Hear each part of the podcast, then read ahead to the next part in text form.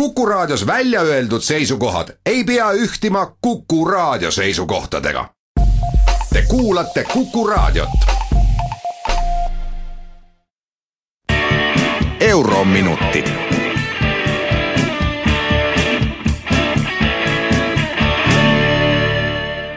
tere päevast, kallid Kuku Raadio kuulajad. eetris on Eurominutid ja Kersti Kaljulaid alustuseks taas natukene Brexitist ehk sellest, kuidas poliitikud vahest iseendale pikkadeks aastateks juba ette käru keeravad. teatavasti elab üksjagu Suurbritannia kodanikke Euroopa Liidu riikides ja päris suur osa neist teeb seda pikaajaliselt. Nad on soetanud kinnisvara kaunima kliimaga riikides, kui kodusaartelt võtta on Nad kasutavad Euroopa Liidus olevaid vabadusi selleks, et asuda mujal koos kõigi hädavajalike õigustega, näiteks õigus olla ravikindlustusega kaetud võrdselt asukohariigi kodanikega. mis on ilmselt eriti tähtis Vahemere veeres oma vanu konte soojendavate pensionäride jaoks. Neile pakuvad Hispaania, Portugal, Küpros ja muud soojad piirkonnad palju paremat elu, kui seda suudaks Suurbritannia sest hinnataset lihtsalt ei saa ju võrrelda. Malta on lisaks täiesti inglisekeelne maa. selliseid inimesi on viis ja pool miljonit, kokku kümme protsenti Suurbritannia rahvastikust.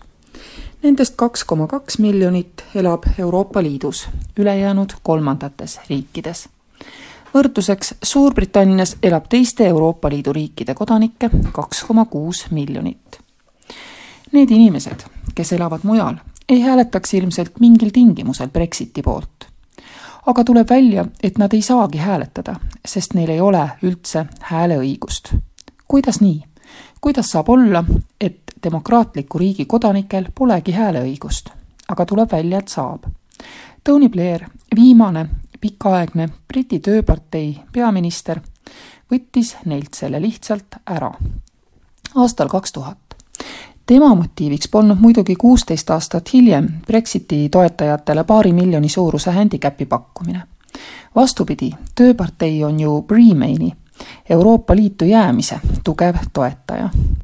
nii tuleb omaaegne loll otsus ja ilmselt ka ebademokraatlik otsus tööparteid uuesti kummitama. Miks see otsus tehti? loomulikult sellepärast, et Tööpartei hinnangul ei tule valimistel välismaalt pikaajalistelt ekspattidelt hääli mitte neile, vaid konservatiividele. David Cameron on küll lubanud kõigile kodanikele valimisõiguse tagastada, aga seda ei jõuta teha enne referendumit. kes on üle mere kolinud hiljuti, need saavad hääletada. kes aga viisteist aastat tagasi, need ei saa Briti parlamendis on liiga palju euroskeptikuid selleks, et nad laseksid Cameroni Vote for Life eelnõul enne referendumit lihaks saada ja taastaksid kõikide Suurbritannia kodanike hääletusõiguse. meile võib tunduda selline kodanike hääleõiguse piiramine uskumatu, kui tegemist on pikaajalise demokraatliku riigiga. aga näete, ajaleht Politico andmetel ei ole Suurbritannia selles patus isegi mitte üksinda piirangud mujal elavatele inimestele kehtivad ka Küprosel, Maltal, Saksamaal, Iirimaal ja Taanis. lisaks vahel ka need, kes asuvad mujal lühikest aega, ei saagi muud moodi hääletada kui koju lennates. kui Küprosel või Maltal on valimised, lendavad näiteks Luksemburgist sinna erilennukid hääletajatega, mis lisab kodanikukohuse täitmise hinnale mõned sajad eurod on ka teine tiib riike, mis mitte ainult ei toeta valimisõiguse kasutamist välismaal, vaid lausa pakuvad parlamendis oma ekspattidele omaette kohti. sellised on Prantsusmaa, Itaalia ja Portugal.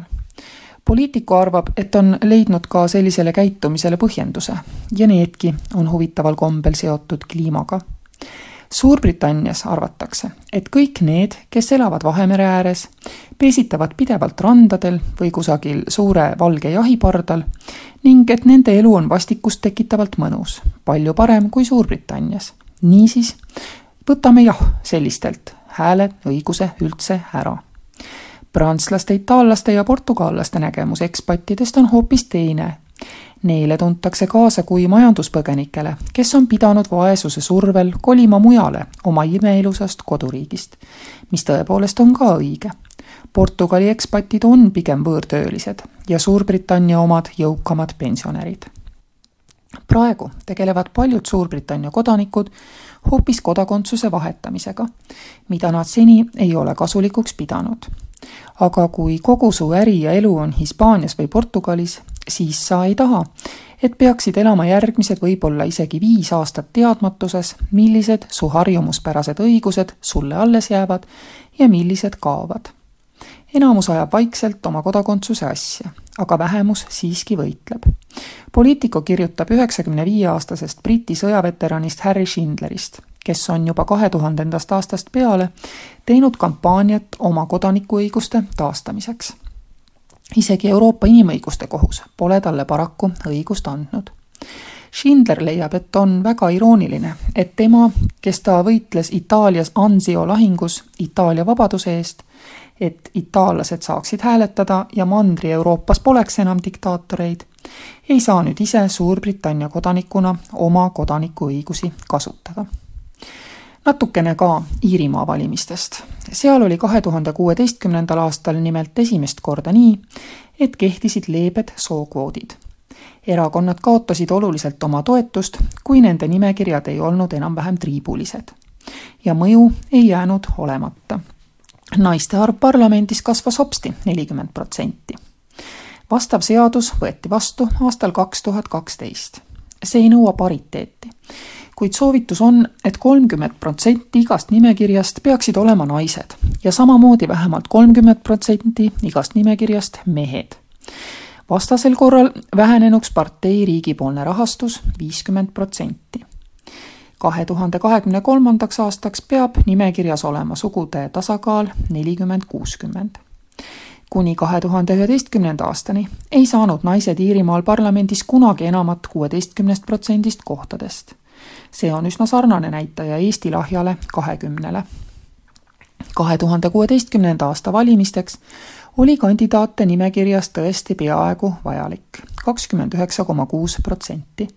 parteid tegid kõik oma kolmkümmend protsenti ära, kuid üksikkandidaatide osas oli siiski rohkem mehi naiskandidaatide arv kasvas kokku kõigis listides üheksakümmend protsenti. nimekirjade koostamine käis aga kõva kisaga mehed on parteide sees palju avarama suhtlusvõrguga. ja nüüd äkki pidid budid jätma Paddy nimekirjast välja, et koht anda kvoodinaistele.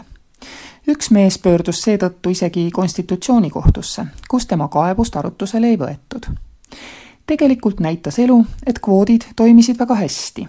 naised nimekirjades tekkisid juba kohalike valimisnimekirjade hääletustelt peakorterid ei pidanudki lisama oluliselt naisi juurde, sest kohtadelt tulnuid oli piisavalt. paarkümmend naist küll lisati, aga samamoodi panid keskkontorid nimekirjadesse ka neliteist meest, nii et ei suurt vahet. naistel läks ka hästi valimistel nimekirjade sees. kakskümmend viis protsenti naisi olid esimene valik valija jaoks, võrreldes kuueteistkümne protsendiga aastast kaks tuhat üksteist naised küll kurtsid, et kohtadel tehti kampaaniat ikka pigem ülikondadele kui seelikutele, aga head tulemused tulid siiski. kas sellest tulenevalt peaksid ka Eestis olema sookvoodid? minu arvates mitte. enne võiks teada anda, et kui kahe tuhande üheksateistkümnenda aasta valimistel parteid ise olukorda parandada ei võta, siis tuleks edaspidi kvoodi asja kaaluda. nagu näha, siis iirlastel ei läinud kvootide jõustamiseks mingit erilist sundi vaja piisas vajaliku sentimendi tekitamisest ja naised tulidki parlamenti. seda saab teha ilma sookvootideta, aga siis peavad erakonnad seda ka tahtma teha ja lubama, et kui välja ei tule, siis tulevad kvoodid, seniks kuni hakkab välja tulema. pärast võib need kvoodid jälle ära kaotada. näidake, Eesti mehed, et vabatahtlik suurima vähemuse kaasamine on Eestis võimalik. Kuulmiseni jälle järgmisel nädalal Eurominutid